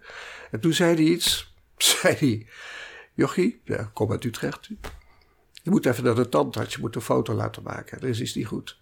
Ja, ik de volgende dag eh foto maken. Bleek ik in de kies waar ik een wortelkanaalbehandeling gehad had. Dat was het gat. Dus onder die vulling was een heel groot gat ontstaan. Maar daar had ik helemaal geen last van. Want er zat geen zenuw meer in. Nou, en als ik daarmee doorgelopen was, was ik die kiek kwijt geweest. En, eh, en steeds meer mensen gaan dit kunnen. Want ik ben nu eh, ik ben 60. Maar ik merk gewoon, ik zie gewoon heel veel jonge mensen om me heen die super, super gevoelig zijn. ja, ja, ja, ja. En eh, dat scheelt er enorm met, met Ja. mijn generatie. En steeds meer mensen gaan. En op het moment dat je dus je eh, intuïtie gaat ontwikkelen. Dus als je het juk van de school van je afwerpt. Waar alles kausaal zijn, oorzaak en gevolg denken. Ja. En je staat weer toe dat kruiden fantastisch zijn. En je staat weer toe dat over de doden niks dan goeds. Dat wisten mensen vroeger al, want ze kunnen alles horen. Mijn vader is hier. De hemel is niet daar. Nee, de hemel is om ons heen. Om ons Het is alleen een andere dimensie. Ja. En daar kunnen wij contact bij maken. Ja. Alleen, we zijn dat helemaal verleerd. Ja. Wat ik, wat ik je hoorde zeggen ook is... ehm, de eerste keer dat jij contact had met jouw vader... Dat is een ander soort contact dan de... de dus we hebben het nu over... Dan de na laatste zijn keer. overlijden. Ja, Eh, dan de laatste keer ook omdat hij... Eigenlijk in die tijd ook nog heeft kunnen terugblikken. ja, hij is nog steeds bezig. Naar hoe, eh, wie was hij? Ja. En dan blikt hij terug en dan denkt hij... Waar was ik allemaal mee bezig? Ja. En ik had een hele grote strijd met hem. Van, eh, want ik moest worden zoals hij dat wilde. Ja. En, en daarover zei hij, de voorlaatste keer dat ik er sprak, van ja, ik had jou moeten laten zijn wie je was. Was. Ja. En, Ja. en, daar, dat is zo mooi. Dus eigenlijk zijn we nu dingen aan het oplossen die in het leven niet gelukt zijn. Omdat er gewoon in die afterlife kan je ook nog contact hebben. Ja, mooi. Ik word hier bijna emotioneel van. Omdat ik eh, natuurlijk ook mensen om me heen heb waarvan ik denk... eh, ik wil het een en ander met jullie oplossen. Ja, En uh, het kan eigenlijk altijd. Kan altijd. Ja. En weet je, en hij zit in buitenruimte en buitentijd. Dus het maakt het niet uit dat dat al 14 jaar geleden is dat hij overleed. Hij is gewoon nog steeds bezig om dat leven goed af te ronden. Hmm. En ik weet zeker uh, dat hij straks ook mijn moeder weer ontmoet. Hmm. En dat dat echt is. Die hemel is echt. En eigenlijk de eerste die dat heeft laten zien hoe dit werkt. Ik heb hier vaak met gelovige mensen, hè, want ik heb mijn verjaardag gevierd. Ja. En ik denk, ik ga dat doen zoals ik ben. En uh, onder andere uh, was daar ook een demonstratie mediumschap. Ja. Zo indrukwekkend. En uh, ik heb de schroom van me afgeworpen van, nou, misschien mensen denken dat ik gek ben, weet je wel. Nou ja, dan denken ze dat maar. Maar dit is, de eerste die dat heeft laten zien hoe dat werkt, is Jezus. En er zit 2000 jaar lang zitten er allemaal mensen in de, in de, in de kerk te luisteren. Ja, nee, het staat in de Bijbel. Jezus ging dood, werd van het kruis afgehaald. Vervolgens is hij in de graf gelegd met een grote ronde steen ervoor. Mm. En de volgende dag was die steen weggerold. Nou, dat klinkt klare nonsens. Maar Jezus was gewoon weer opgestaan na zijn dood met zijn astrale lichaam. Dat Mm. is dat energielichaam. Mm. Maar dat kan je ook zien, hè? Kan je foto's van maken. Kan je tekeningen van maken. Mensen kunnen dat schilderen. En vervolgens begint hij tegen zijn moeder te, te, te, te kletsen. Ja. En die schrok zich natuurlijk wild, weet je wel. Van Ja. Ja. Ja. En vervolgens is hij naar zijn discipelen gegaan. En heeft hij daarmee, uh, die, die ongelovige Thomas, uh, heb je gaten in je hand laten zien. Ja. En heeft hij voor 40 dagen is hij nog gewoon met ze in contact geweest. Voordat hij naar hemelvaart gaat. Mm. Maar wij vieren elk jaar hemelvaart. Maar niemand weet dat, er, wat, dat het gewoon echt letterlijk is zoals het daar staat. Mm. Ik bedenk me ook opeens dat uh, ik me ook heel goed kan voorstellen dat zoals jij nu contact hebt met jouw vader, dat je daar als persoon ook klaar voor moet zijn. Want als dat, dat is een stukje onvoorwaardelijke liefde dat jij krijgt. Ja. Niet iedereen is klaar om dat te ontvangen. Nee.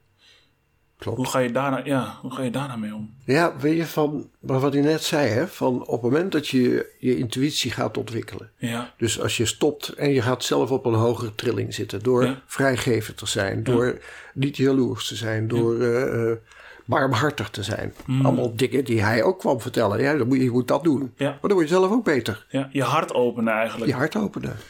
Alleen ons hart is op school dichtgezet. Ja. Daar moest alles via je verstand. ja. En wie de slimste was, eh, die, wie, de beste, wie het beste kon presteren conform de normen van de school, Ja. ja, die was dan eh, de beste. Ja. Toevallig was ik daar ook goed in. Maar eh, dat is de grote verneuktruc. Hm. Je leert niks over seksualiteit, je leert niks over voeding, je leert niks over eh, liefde, je leert helemaal niets. Wiskunde, Ja. Knetterhek. Ja je leert eigenlijk hoe jij eh, van waarde kan zijn in deze maatschappij. ja, tot economische waarde. Ja, precies. Dat jij het beste presteert. En eh, dat de fabrieken door jou gerund worden. Ja. En eh, dat iedereen een plek krijgt en zijn ballen eraf werkt tot Ja. zijn 67ste. Ja. En als je laag opgeleid bent en je bent toevallig weet je niks over voeding, dan ga je nog hartstikke dood ook vroeg. Ja. Werken, we zijn gewoon consumptie. We zijn geen consumptieslaven. Nee, we zijn loonslaven. Ja. Ja. En de meeste mensen accepteren dat allemaal maar. Ja. Heb ik ook gedaan. Ja. Jarenlang. Ja, daar wilde ik ook even, even naartoe. Ik denk dat we even moeten, moeten landen, ook voor de, voor de luisteraar. Maar hartstikke interessant. En wat, jij, wat jij zegt is over, eh, over loonslaven. Ja. Eh, ik wil het even kort hebben over mensen die eh, gepensioneerd zijn. Ja.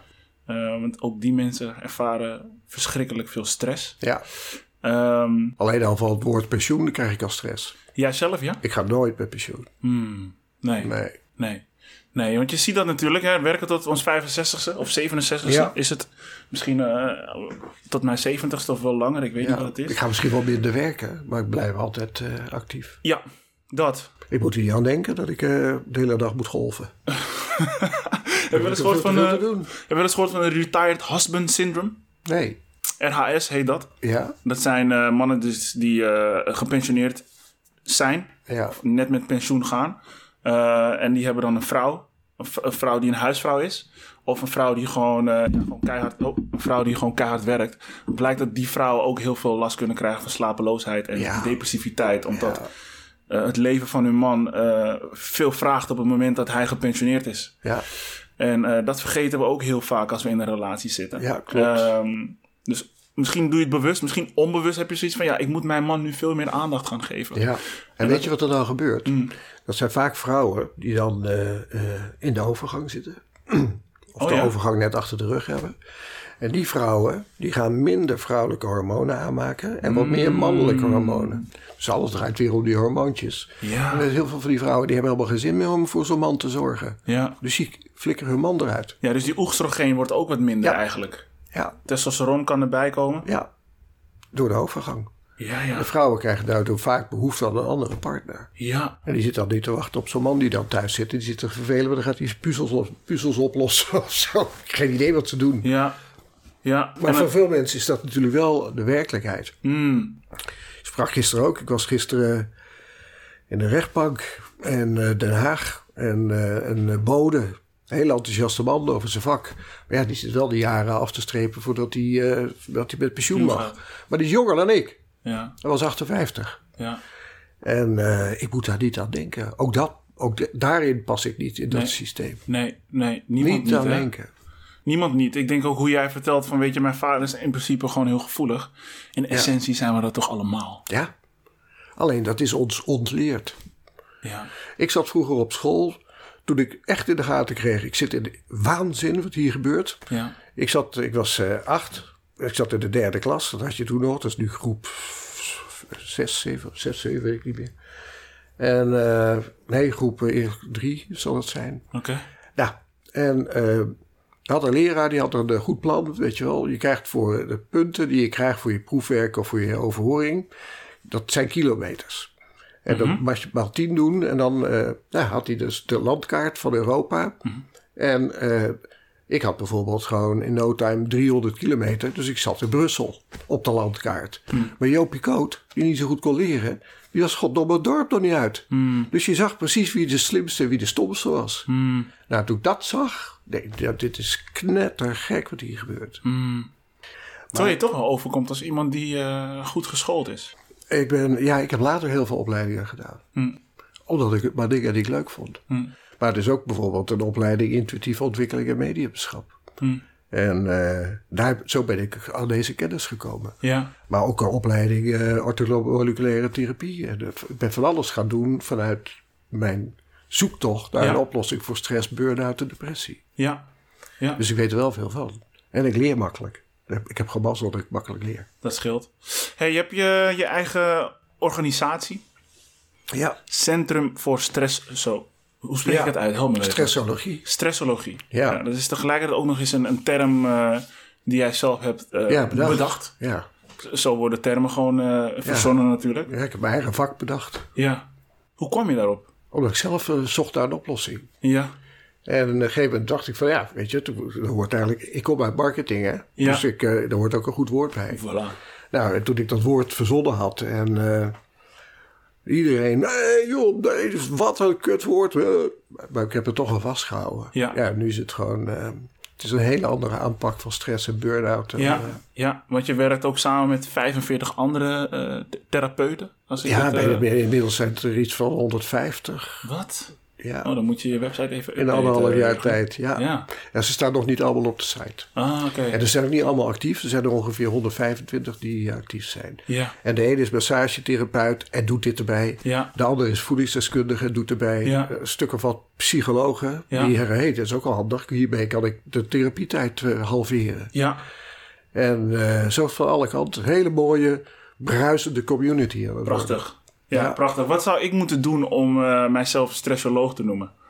Eh, moet je de cursus doen. Ja. Ik heb twee opleidingen. Ja. Een tweedaagse cursus met vier online lessen ook. Ja. En eh, daar leer ik je gewoon de techniek, hoe je kunt testen Mhm. of er tekorten zijn. Maar ook stress kan ik meten. Mhm. En ik kan ook meten van hoe stressbestendig iemand is. Door middel van hartritmevariabiliteit. Ja. Nou, dan kan je stress meten. Dan kan je ook kijken, oké, wat zijn de, hoeveel zijn de tekorten aan de gelukshormonen? Nou, dan zie je het. Nou, nou, nou, nou, nou. Dus ik leer je die methode toe te passen. Ja. Heel praktisch. Ja. En iedereen kan het leren in twee dagen. Ja. En je hoeft helemaal geen achtergrond te hebben met orthomoleculair. Of, eh, want we werken uiteindelijk maar met eh, twaalf stofjes waarmee je dit helemaal, hele probleem kan fixen. Mooi. En dan zijn het 100% natuurlijke biologische voedingsstoffen. Ja. Ja. Ja. Dus ik, ik gebruik het woord supplementen bewust niet. Omdat het eh, supplementen voor 95% allemaal synthetisch is. Ja. En dat werkt minder goed. Ik heb een, eh, een, een stukje tekst uit, jouw eh, uit jouw website gehaald. Eh, ik weet even niet of we dit al hebben aangekaart, maar ik vind het toch wel fijn om de tek- tekst even op te lezen. Ja. Stress ontstaat zodra je met gevaar wordt geconfronteerd. Zodra je gevaar ervaart, maakt je lichaam in een fractie van een seconde stresshormonen aan. Ja.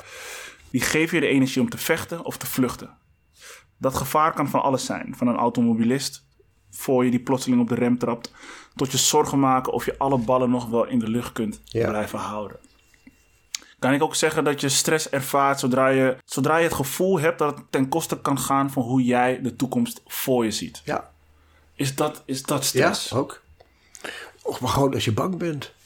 Ja, Bang dat je als je naar buiten loopt de paardenpokken vi- vi- virus krijgt. Of Ja. eh, ja, ja. bang dat, eh, nou ja, wat heel veel vrouwen hebben, weet je. Jonge vrouwen in de dertig met kleine kinderen. En vaak nog een baan. Nou, dat is de tropenjaren. Ja, En tuurlijk. die zijn heel vaak bang. Shit, hoe houd je vol? Ja, ja, ja. Hè? Dus hoe ouder worden is ook gewoon, kan ook stressvol zijn. Ja, Ja, maar goed, daar hoeft Ja. niet per se iets mis maar mee. er zijn ook heel veel jonge mensen hè, die gewoon de lat al zo hoog leggen. Ja, Allemaal opgefokt door die school. ja, Ik weet nog dat mijn oudste zoon, die eh, moest een profielwerkstuk doen. Die deed VWO. ja. Dat deden ze dan op Nijrode. Hm. En liepen allemaal in pak, allemaal die kinderen. En de toestand, dat werd een heel... Mijn god. Hier wordt het is gewoon de stressfabrieken, zijn het. Echt stressfabrieken. En wo- je wordt op de toppen van hun kunnen van eh, wat ze moeten hebben. Ik zag even mijn oudste zoon ook met een, met een bejaarde in een rolstoel. En die liep die rond. Ik denk, wat ben je aan het doen, Pik? Ja, dat is goed voor mijn cv. Dus ze moeten bestuursfuncties gedaan hebben. Ze moeten dit, ze moeten dat, ze moeten dat. En het is gewoon opboksen. En we gaan dit niet winnen, want die Chinezen komen eraan. Die zijn nog veel erger. dit is eh, een prettige wedstrijd ja. om hiermee door te gaan. En iedereen wordt ziek. Want je wordt ziek van stress. Wat moeten we doen dan? Met als- als- stressen. Ja, dat, dat snap ik. En En goed als we- voor je lichaam zorgen met die voedingsstoffen. Ja, Ja, moeten we meer mediteren? dat, ik kreeg daar zelf ook stress van. Je raakt gestrest van mediteren. Ja. Ja, dan moest je. Ik heb ook van die meditatieopleidingen gedaan. De eerste Ja. was transcendente meditatie. Dan mag je aan niks denken. Ja. Nou, probeer jij dat maar eens een keer. Ik werd daar knettergek van. Ja, dus het werkt niet voor iedereen. Wat ik nu doe, wat ik, ik eh, trek me straks bijvoorbeeld, dan ga ik even een half uurtje het park in. En dan ga ik lekker tussen de bomen zitten. En dat, dat is mijn, en dan bid ik en mediteer tussen elkaar. Of dan zit ik even een spelletje te spelen. Maar dan Ja. zit ik in de natuur, de vogeltjes. Ja, En daar is voor mij God, ja, de natuur. ja. Als ik gewoon naar, naar een blad kijk, alleen dan denk ik, mijn god, hoe is dit allemaal mogelijk? Dat, dat het leven zo mooi is. Alleen, dan loop je het park uit. En dan sta je tussen de, eh, tussen de betonblokken. En iedereen, iedereen is er hek werken. En Ja. eh, de slavendrijven eroverheen. Dat voel je ook, denk Ja. ik. eh. En ik heb er zelf al meegedaan. Hè? Dus wat ik nu aan het doen ben, is een soort van mijn karma aan het inlossen. Mm. Ik was ook een slavendrijver. Ook voor mezelf. Hmm. Ik heb dat ook al meegedaan, targets invoeren in Ja. de jaren negentig. ja. En eh, nu is het zo is dat ik ben begonnen als eh, postbode. Ja, En ik heb een turbulente jeugd gehad. Dus op een gegeven moment, ik moest weer geld hebben en ben postbode geworden. Nou, je stond s ochtends zo je gewoon je post eh, in te gooien en eh, dan ging je de wijk uitlopen. In jouw tempo en wanneer je kon een praatje maken. En, eh, en als je klaar was, ging je naar huis. En, dan, eh, en nu is per straat uitgemeten door een manager hoe lang een postbode erover mag doen. Die jongens, die GPS-jongens, die gewoon met die, kar, met die pakketjes moeten brengen. Hondenwerk. En allemaal lopen, ze worden overal gecontroleerd. Hoe lang staan ze stil? Zit een manager, kan het nog 30 seconden sneller. ja, ja. Het- het- het- ik werkte bij de Albert Heijn. Een kar bij de Albert Je pakte de kar hier in die kar de vakkenvuller. Nu hangt er op de kar. Hier mag je 2,5 minuut over doen. Ja, ja, ja, ja. En zo, zo zitten we één grote stressmaatschappij ja. gecreëerd. Zo. Ja, Tank, tankstationmedewerker moet zoveel verkopen ja, aan eh, snoep en eh, noem het allemaal maar op. ja. Ja, en als je dan kijkt wat mensen eten, daar krijg je ook stress van. Hmm. Want als jij, om een voorbeeld te geven. Ik testte mezelf voor het eerst en ik kwam erachter. Ik heb tekort aan serotonine en tekort aan GABA. Dan krijg je van allebei krijg je stress. Ja, waar zit dat in? Dan moet je een stofje hebben. Dat heet tryptofaan. Dan ga je meer serotonine aanmaken. Dat is een, is een aminozuur. Dat zit bijvoorbeeld in bananen. Ik denk, oké, ik ga meer bananen eten. Maar ik merkte niks. Ik hoe kan dat nou? kwam ik er later dus achter dat tryptofaan wordt aangemaakt als een banaan rijpt onder invloed van zonlicht aan de boom. En wat wij hier eten, dat zijn eh, bananen die eh, drie maanden in het, eh, die groen zijn. Die gaan door een van de gasbad, waardoor ze toch alsnog geel worden, zonder zonlicht. En die drie maanden in een vriesvak gelegen hebben in het transportschip. Nou, als je daarop praat, als je daar de energiewaarde van gaat meten, niks meer. Hm. En er zitten ook die stofjes niet in, want het is niet gerijpt onder invloed van zonlicht aan de boom. En als je op die manier naar voeding gaat kijken, word je gek. Ja, ik denk nu ook van, eh, Hoe dat? wat moet ik doen? Wat de fuck moet ik doen? Ja. En er steeds meer is genetisch gemanipuleerd. Ik los het heel simpel op. Ik ontbijt bijvoorbeeld met een banaan. Nou, daar zitten er wel niet zoveel in, maar Ja. wel eh, vezels. Ja. En ik vul het aan met voedingsstoffen. Ja, ja, Dus ik, heb, een- die- ik maak er een shake van. En daar zit alles in. ja. Ik snap het. Ik vind het, eh, ik vind het, ik vind het moeilijk. Wat mijn oplossing eh, een beetje is, is dat ik bewust uitkies eh, met wie ik omga. Dat is mijn oplossing, want ook dat is energie die, die je tot je neemt. Absoluut. En ik weet dat dat, ja, dat is niet gemanipuleerd, om het zo maar te zeggen. Nee. Maar daar moet je ook weer, weet je. Ik zit nu dingen te vertellen. Maar ik weet dat ik over een jaar weer heel veel andere, Andere. dingen... Dus ik heb bijvoorbeeld, die hoorde altijd van chakra's. Ja. Als je praat over je energielichaam Ja, ja, ja. en wat je bij mensen van kan voelen. En wat wij bij elk... Wij zitten op een afstand dat we elkaars, in elkaars energieveld zitten. Ja, Maar ja, dat, wist, dat hoor je dan altijd. Maar ik had dat nog nooit gezien. nee, En een chakra heb ik nog nooit gevoeld. nee. Toen heb ik een week of eh, zes geleden heb ik eh, Kundalini Flow Activation gedaan. Ja, Had ik ook nog nooit. Nou, dus ik ga er liggen. Nou, ik, ben, ik durf alles. Ik ga overal voor te ja, kijken. ja, En ik heb al mijn chakra's gevoeld. ja. En eh, niet alleen dat, ook mannelijke vrouwelijke energie, Hm. je borstkas. En de openbaring van je welste. ja.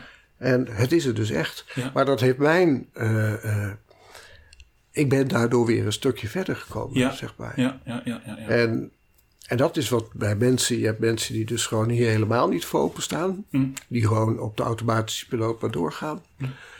Of mensen die hier heel bewust mee bezig zijn. Zoals Ja. jij bijvoorbeeld. ja, En, eh, en dat is het mooi dat veel jonge mensen hiervoor kiezen. ja, Die denken, ja, weet je, van, eh, moet ik dit de rest van mijn leven doen.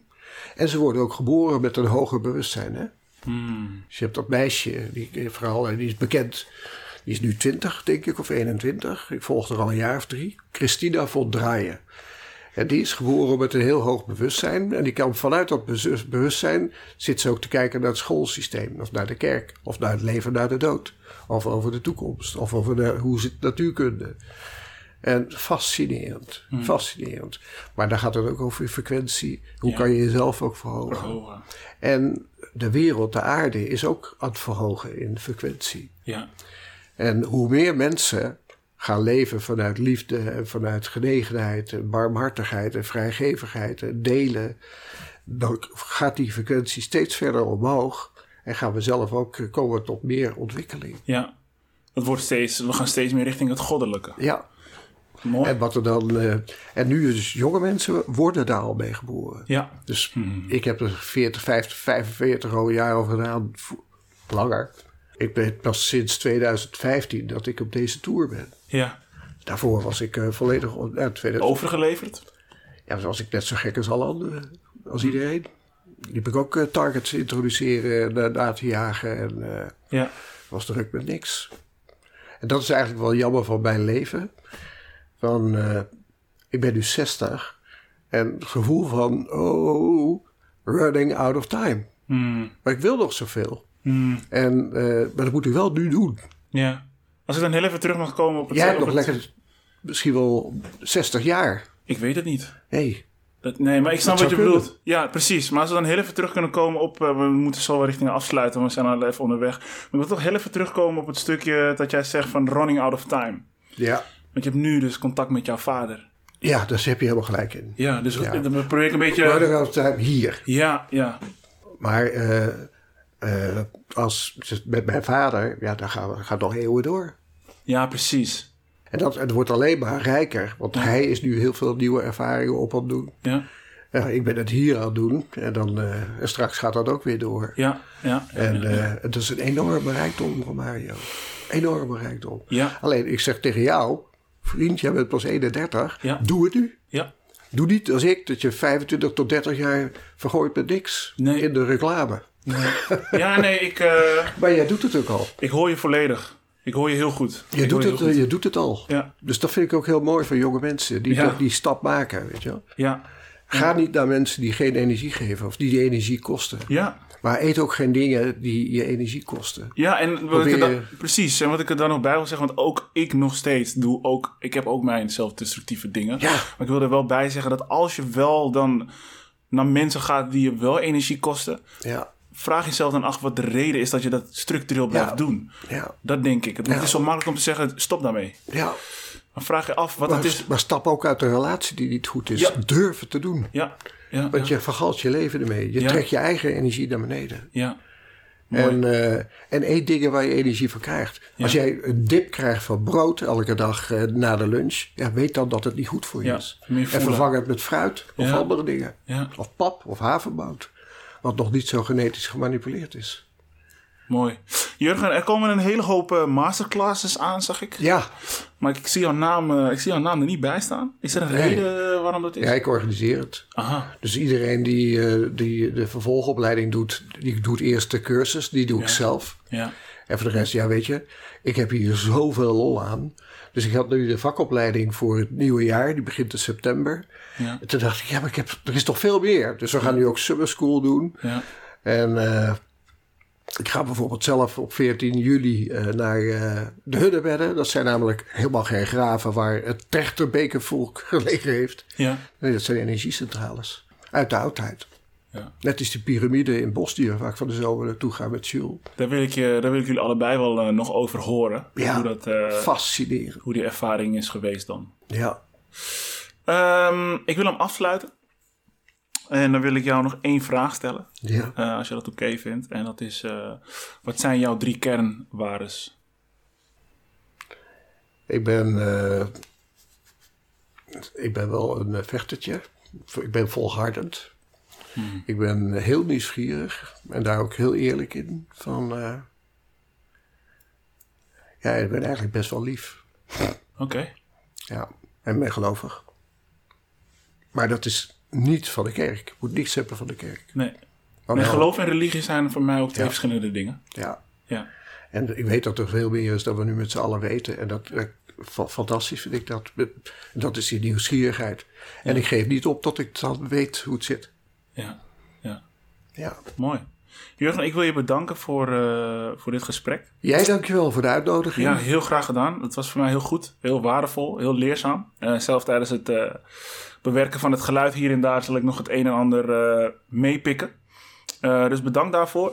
Voor de luisteraars, er komen een hele hoop ehm, masterclasses aan. Ik zou zeggen, neem even een kijkje op eh, de website. Kan jij die even voor mij benoemen? Ja, centrumvoorstressologie.nl. Ja, zou ik zeker doen. Eh, en ik denk dat ik misschien mezelf ook even ga aanmelden voor eh, een van die workshops. Want er zitten genoeg, genoeg goede en belangrijke tussen. Ja, Verbind hem met Roos. heel graag.